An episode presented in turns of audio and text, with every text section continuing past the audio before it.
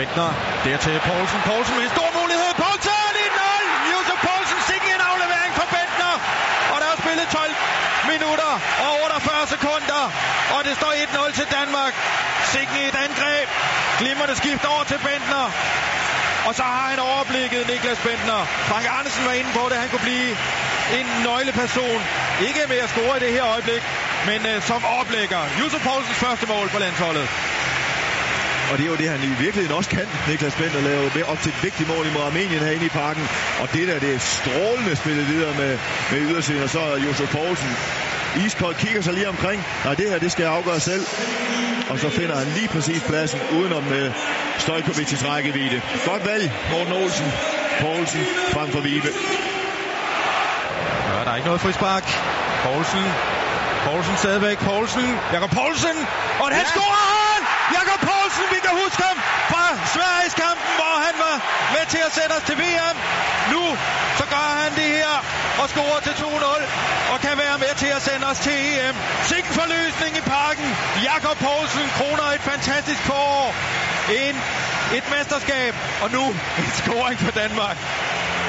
Og det, det er en vild scoring, og jeg, jeg kommer også til at tænke på præcis til det samme mål, mål mod Sverige. Det var et, et, et modsatte mål ind, men det er jo det her med ikoniske mål. Altså mål, man kommer til at huske Prøv lige at se smilet på Jakob Poulsens læber.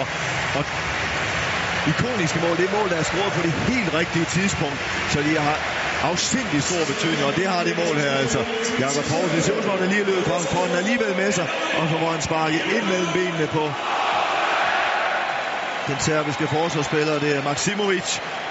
Og uden for, selvom det ikke er noget ret hårdt spark, så er den altså uden for Stojkovic's rækkevidde. Og nu burde den her kamp og EM-deltagelse også være uden for serbisk rækkevidde, men det er der i den grad inden for dansk rækkevidde. Jakob Poulsen der over til venstrebenet, og så bliver det sådan en, en halvhård inderside, men det er rigtigt, den er lige nøjagtigt uden for Stojkovic's rækkevidde.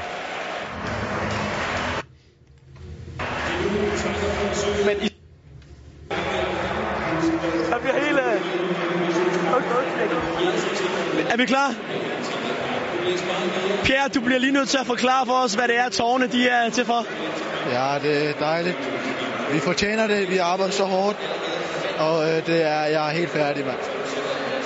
Hvad er det, du er mest stolt over ved jeres præstation? Ja, men vi er, vi er mandfolk. Vi står sammen, og vi, øh, vi har Danmarks kultur helt ind under skinnet. Vi kæmper, og vi har sammenhold, og vi har hele stadion med. Så hvad er det helt præcis, du er så rørt over? Ja, men jeg, jeg, jeg er over min grænse. Det er, og så vi vinder, og på den her måde, og i den kulisse, det,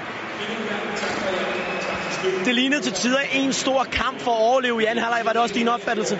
Ja, ja, det var hårdt, mand. De står godt, og de er dygtige, og øh, de gjorde det svært for os. De har nogle dygtige spillere, øh, men det har vi også, og hold kæft. Hvad betyder det for dig? Jeg ved, at Josef Poulsen er en af dine gode kammerater. Hvad betyder det for dig at se ham, en gut, du voksede op med, gå ind og få sådan en afgørende rolle? Ja, men det rører mig.